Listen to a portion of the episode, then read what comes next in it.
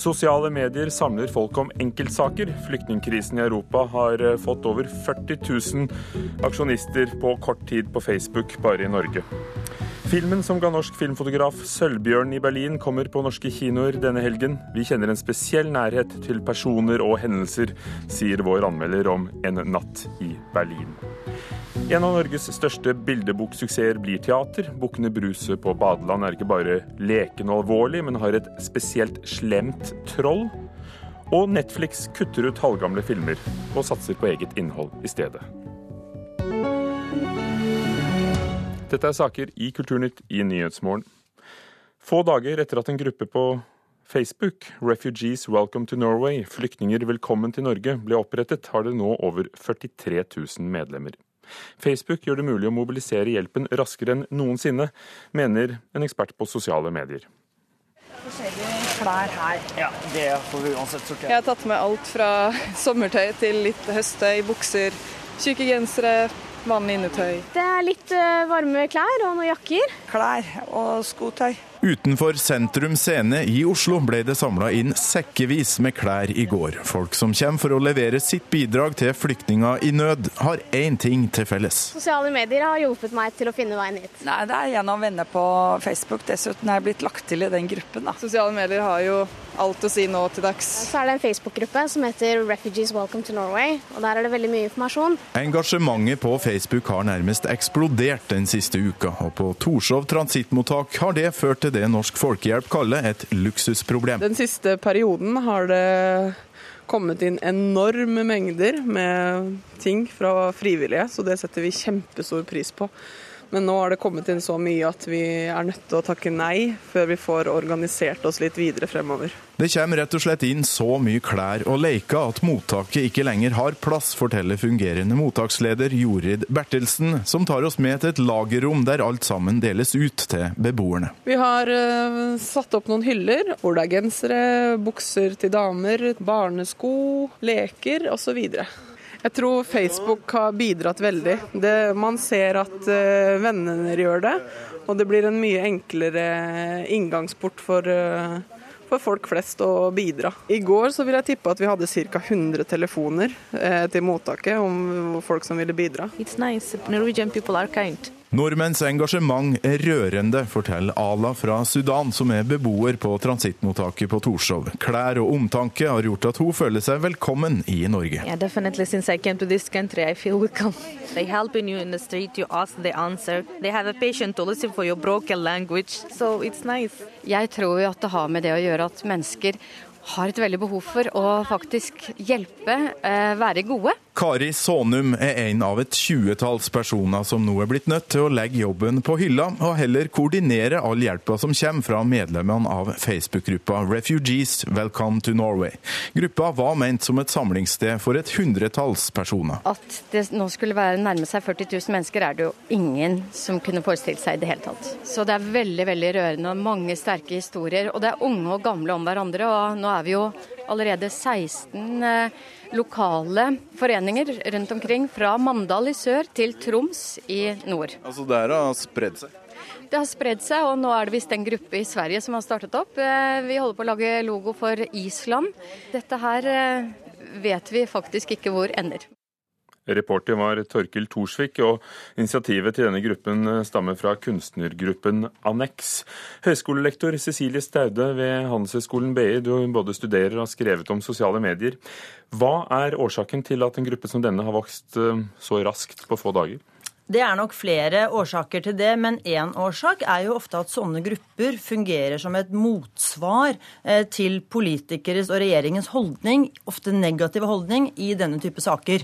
Eh, altså, så Jo mer tradisjonelle massemedier setter fokus på, eh, på disse spørsmålene, så, så, vil man se at folk liksom gir utløp for sine egne holdninger i den type saker ved å mobilisere i, i sosiale medier og sette agendaen selv med egne saker. Egne saker holdninger, egne holdninger, sier du. Men det er en gruppe som nå har over 43 000 medlemmer. Mm. Det er mange offentlige personer, eh, kjendiser, eh, journalister. I hvilken grad er det en privatsak å være medlem, selv om det er en privat gruppe? Dette er i utgangspunktet en lukket gruppe, så det betyr at du må eh, i praksis selv søke om å bli tatt opp i gruppen, og alle medlemmer som da er inne i gruppen, kan akseptere deg inn. Eh, så det er klart at En gruppe på 40, eh, 40 000 mennesker kan ikke karakteriseres som en lukket gruppe eh, lenger. Eh, vi har jo lover som sier at hvis en uttalelse går til mer enn 20-30 personer, eh, så må, du, må den uttalelsen oppfattes som offentlig. Så at gruppen var lukket, tror jeg var utgangspunktet for et forsøk forsøk på å prøve å ha kontroll. Eh, men, men, vi ser jo det med så mange medlemmer, så er det vanskelig å, å ha kontrollen på samme måten. Så gruppen kunne i prinsippet like gjerne vært åpen. Kunne dette skjedd uten Facebook? Det tror jeg nok. Vi ser jo, altså ikke, ikke, i samme omfang, men vi ser jo at eh, NRK, Aftenposten, VG, Dagbladet har jo også bidratt til at denne gruppen har vokst. Eh, ikke sant? Og, og, jeg tror nok at man hadde klart å mobilisere til en giverglede også uten Facebook. Men det er riktig som det ble sagt her, at veldig mye av det som driver aktiviteten til folk i sosiale medier, er jo nettopp det genuine ønsket om å ville bidra. Eh, og det er klart at når man har så mange uh, folk inne, og veldig mange kjendiser også med store nettverk selv, journalister med store nettverk, så gjør det at et budskap kan spres veldig raskt, og man kan få veldig mye eh, større trykk eh, på det man faktisk jobber for. Så jeg tror at eh, Facebook har vært et veldig viktig bidrag for å få se de resultatene man nå ser. Jeg tror ikke det hadde vært mulig på samme måte uten. Vil noen, når vi ser hvor viktig nettstedet Facebook er, også i forhold til andre sosiale medier. Vil noen noensinne klare å utfordre monopolet eh, de nærmest har fått?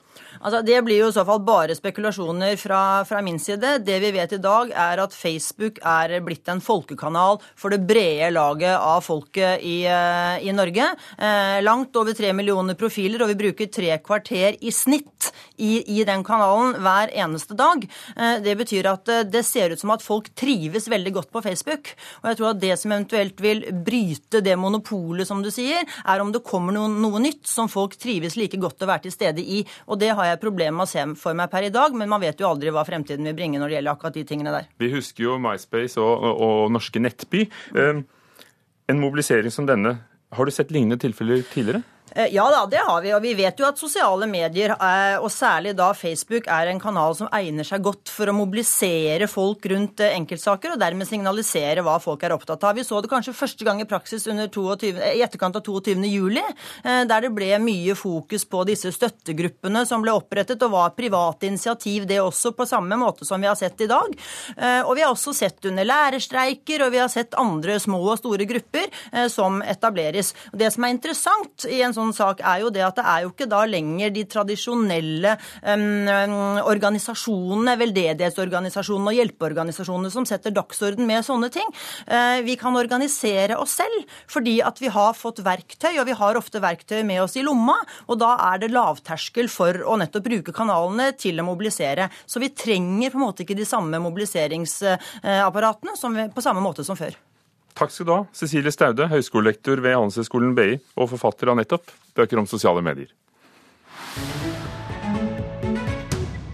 Stifteren av nettsiden The Pirate Bay, Peter Sunde Kolmisoppi, avviser at blokkering av nettsiden hans vil føre til mindre ulovlig strømming og nedlasting i Norge. Oslo tingrett eh, påla i går eh, norske bredbåndleverandører å blokkere The Pirate Bay og andre sider som eh, tilgjengeliggjør materiale som sannsynligvis bryter opphavsretten.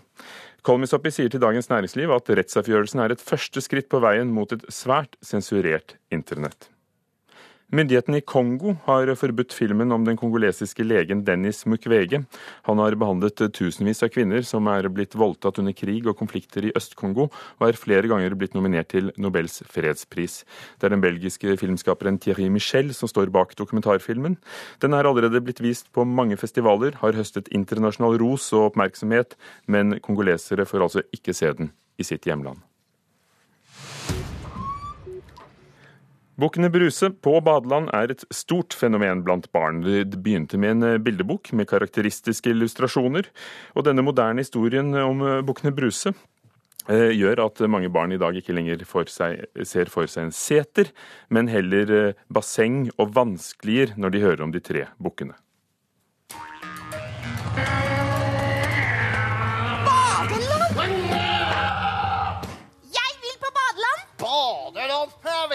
Det er for Kan vi ikke heller dra dit i år? Please! Greit. Vi er på vei til Setra. Vi gleder oss til det. Nå gjør vi som vi pleier. Fra forestillingen 'Bukkene Bruse på badeland' ved Oslo Nye Figurteater på Trikkesdalen i Oslo. Siden skal den på Riksteatret. Musikken var laget av Martin Smith. Teaterkritiker her i NRK, Karen Frøsland Nystøl. For å gå rett på sak, var det bra? Ja, det, det, er mye forventninger knytta til en oppsetning som denne, og, og forestillingene er jo langt på vei utsolgt. Men siden du spør, ja, det var bra. Det var noe uforløst, en litt famlende start over forestillinga. Men eh, for en som har lest den boka en del ganger, så var det flere momenter som, som overraska meg, i hvert fall. Og det er en bra ting når en bok tas til scenen. Jeg sa at denne boken var så kjent at, at barn ikke lenger tenker på uh, bukkene som går til seters. Kan du si litt om uh, hva, hva boken er? Ja, Den handler om de tre bukkene Bruse på vei til setra, og så, så, gruer de seg litt til å treffe trollet. Eh, og litt før de kommer til denne brua som de vet trollet ligger under, så ser de et skilt der det står badeland, og det klarer de ikke å gå forbi. De drar til badeland, og trollet kommer etter. Og mange barn leser dette? Mange barn leser dette. Denne boka kom ut i 2009 og har vært gitt ut i 21 opplag, tror jeg. Hva skiller teaterstykket fra boken? Um, for det, det, viktigste er vel at karakterene er bygd ut. Altså, det er Cirka Teater, et trondheimsbasert teaterkompani, og Tine Thomassen som står bak forestillinga. Og de har bygd ut de tre bokene, sånn at de tre brødrene har fått mer egenart. Den eldste er mer alvorlig og konservativ og passer på. Den midterste han veit å si ifra, og den yngste han er med på alt som er gøy. Men det viktigste er trollet her, for trollet er en veldig, veldig interessant figur. Allerede i starten så ser vi han som en sånn rød, skummel skygge på bakveggen, og vi skjønner jo at disse tre bukkene har virkelig ikke lyst til å dra til setra, fordi de må over den brua. Eh, så de drar til badeland. Trollet kommer jo etter. Og når han kommer dit, så er han så utrolig kjip. Han ødelegger for alle de som er der. Han er så urettferdig.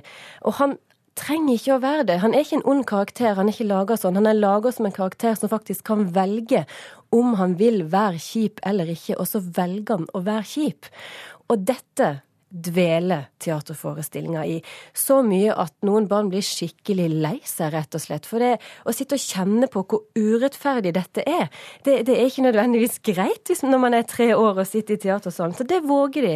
De våger å gå inn i dette og la barna kjenne på det. La det ikke bare være underholdning. Og da kan du jo hente opp et tema som at det går faktisk an å være snill med andre sjøl om du ikke vil. Og det syns jeg er veldig fint med denne forestillingen, at de dykker litt dypere ned i følelseslivet til barna enn man kanskje gjør når man leser boka og har det gøy. Nå skal jo forestillingen ut på turné med Riksteatret etter hvert. Eh, mange barn og, og foreldrene deres kjenner disse karakteristiske tegningene. Hvordan ser det ut på scenen? Ja, det er, det er ganske likt, altså. Det, man kjenner igjen bildet, og Gilles Berger har jo et fargesterkt språk. Det er han som har gjort dukke og scenografi. Badeland er helt hvitt og må fylles av masse farge, og det er, det er ganske magisk med denne store vanskelige de har, og dusjene de lager. Så fargesterkt og litt magisk. Noe du savnet? Kanskje dyrelydene i replikkene, badeland og sånne ting. Det forsvant litt i det alvoret som, som preger bokene fordi de er blitt utvikla som karakterer. Nesten overflødig spørsmål, men teaterkritiker Karin Frøsland Nystøl, kan du anbefale Bukkene Bruse på badeland? Ja, det kan jeg. Det er mer enn bare underholdning, og det syns jeg er fint. Og så tror jeg de klarer å spille inn en litt famlende start. Det er jeg helt sikker på. Klokken er blitt 17 minutter over åtte. Du hører på Nyhetsmorgen i NRK. De viktigste sakene i dag. Politiet har ikke kompetansen som skal til for å løse mange av savnet-sakene. Det mener privatetterforsker Ola Tune. Flere hundre personer har vært savnet over lengre tid i Norge. Uværet i Sør-Norge fortsetter. Jordmasser sperrer rv. 7 i Hallingdal, som er en av hovedveiene mellom Øst- og Vestlandet. Bergensbanen er også stengt pga. raset. Konflikten i Midtøsten har fratatt over 13 millioner barn muligheten til å gå på skole, viser en ny FN-rapport.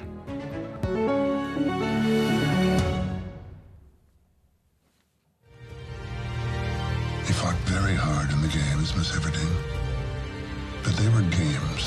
Would you like to be in a real war? Imagine thousands of your people dead. Your loved ones gone. Her i Kulturnytt fortsetter vi med en film som Hunger Games Catching Fire, som nylig gikk på kinoene. Det er fordi eh, strømmetjenesten Netflix vil satse mindre på denne typen eh, filmer, og mer på egenprodusert innhold. Det skriver sjefen eh, som har med innholdet på Netflix å gjøre på sin egen blogg. Blant filmene som forsvinner er tusenvis av halvgamle filmer og, og denne Hunger Games-filmen, fordi Netflix har sagt opp avtalen med distributøren. Gry Cecilie Rustad, førsteamanuensis ved Høgskolen i Hedmark. Hva skjer med strømmetjenestene i fremtiden?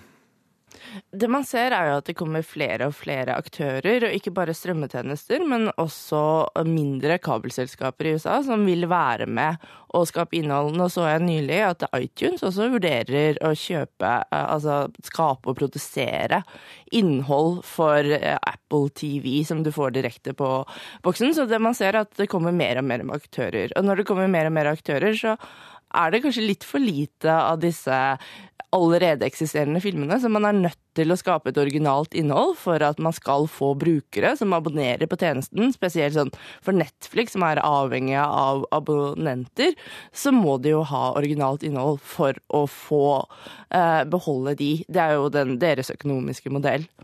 Netflix har jo visstnok bortimot 65 millioner brukere over hele verden, men egne tjenester for de forskjellige landene. Vil vi se det samme i Norge? Jo flere av de ikke egenproduserte seriene de får, jo likere blir jo faktisk Netflix. Fordi eh, det de produserer selv, sender du ut i hele verden. Altså Lillehammer er tilgjengelig på alle Netflix-tjenester.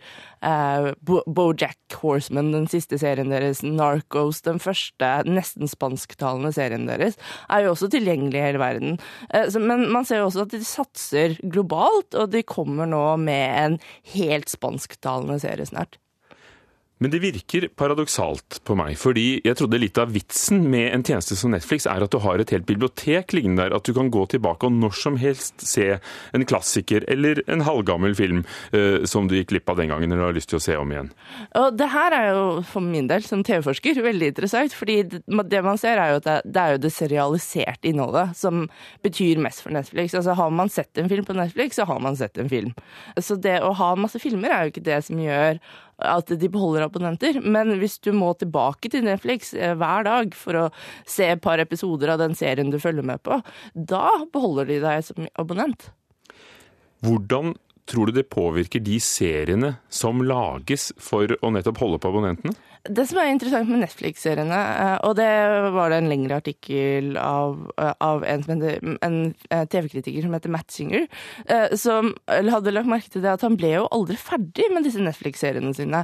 Og hvis han så de ferdig, så han, brukte han veldig veldig lang tid på det. Og det han mener, er jo at disse seriene lages sånn at de er ikke like spennende som f.eks. Lost var i sin tid, da, hvor mm, hver episode avsluttet med en cliffhanger, sånn at seeren måtte sette på TV dagen etter.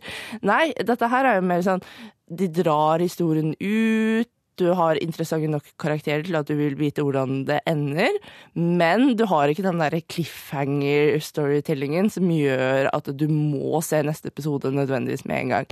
Eh, altså, det blir ikke noen, den umiddelbarheten, da, at man må se hele tiden. Og det er jo nettopp for at man da eh, skal se et par episoder, slå av og se dagen etter, sånn at man hele tiden har et, en grunn da, til å se mer på Netflix. Netflix ble kjent for mange nettopp med serien House of Cards om kampen om det amerikanske presidentvervet. Um, er den serien laget på denne måten? Spennende, men ikke så spennende at du behøver å se alt samtidig? Eh, jeg vil si det. Jeg må innrømme at jeg ikke kom lenger enn sånn midten av sesong to. Eh, men ja, man ser det. Jeg tenkte over det. Eh, jeg husker det var en amerikansk TV-kritiker, Emily Nutsbaum i The New Yorker, som påpekte at hun heller ville hatt American, som er en sånn, mer sånn klassisk kabelserie at den hadde vært skapt på Netflix, sånn at hun kunne sett hele sesongen med en gang. Mens House of Cards kunne kommet sånn i ukentlige episoder. Takk skal du ha, Gry Cecilie Rustad ved Høgskolen i Hedmark.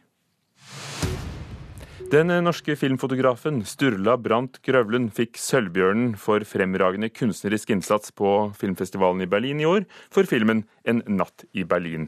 I morgen kommer den på norske kinoer.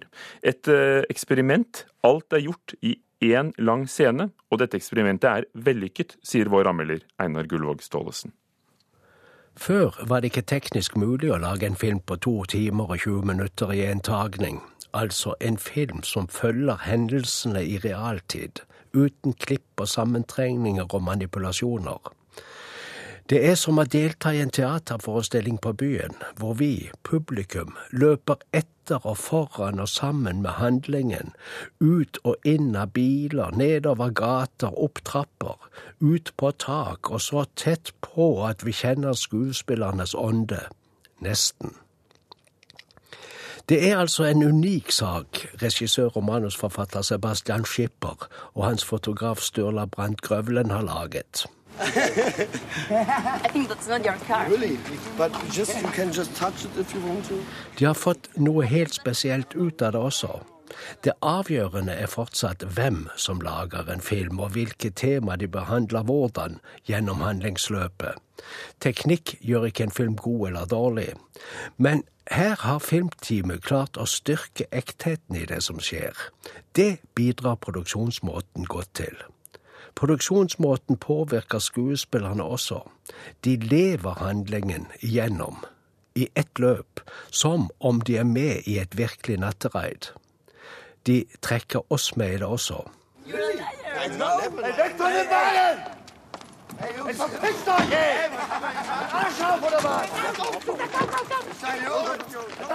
Uten den kvaliteten ville dramaet vært ganske tynt.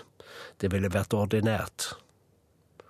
Unge mennesker treffes på en nattklubb. Det vil si, to av dem fanger hverandres øyne. Det skjer idet hele gruppen er på vei ut. Guttene er kastet ut. Victoria går fordi hun er fornuftig og tenker på morgendagen og jobben. Den spanske jenta arbeider på kafé og må åpne klokka 7.00. Übertreibt man nicht. Ich komme auf meine Geburtstagsparty nur wegen Ja, you want, where are you from? Uh, Madrid? You know Madrid? Madrid. Of course we know Madrid. Yes. I went there a few times. Yes, Spain. You've been there? Many, many times I went to Madrid. Blikkontakten der i trappen opp fra kjellerlokalet endrer natten og kommer trolig til å forandre henne. Guttene er i en tvangssituasjon om å gjennomføre et grovt ran. Victoria er den eneste mulige sjåføren. You, go, you are going to drink something, huh? You have a shop.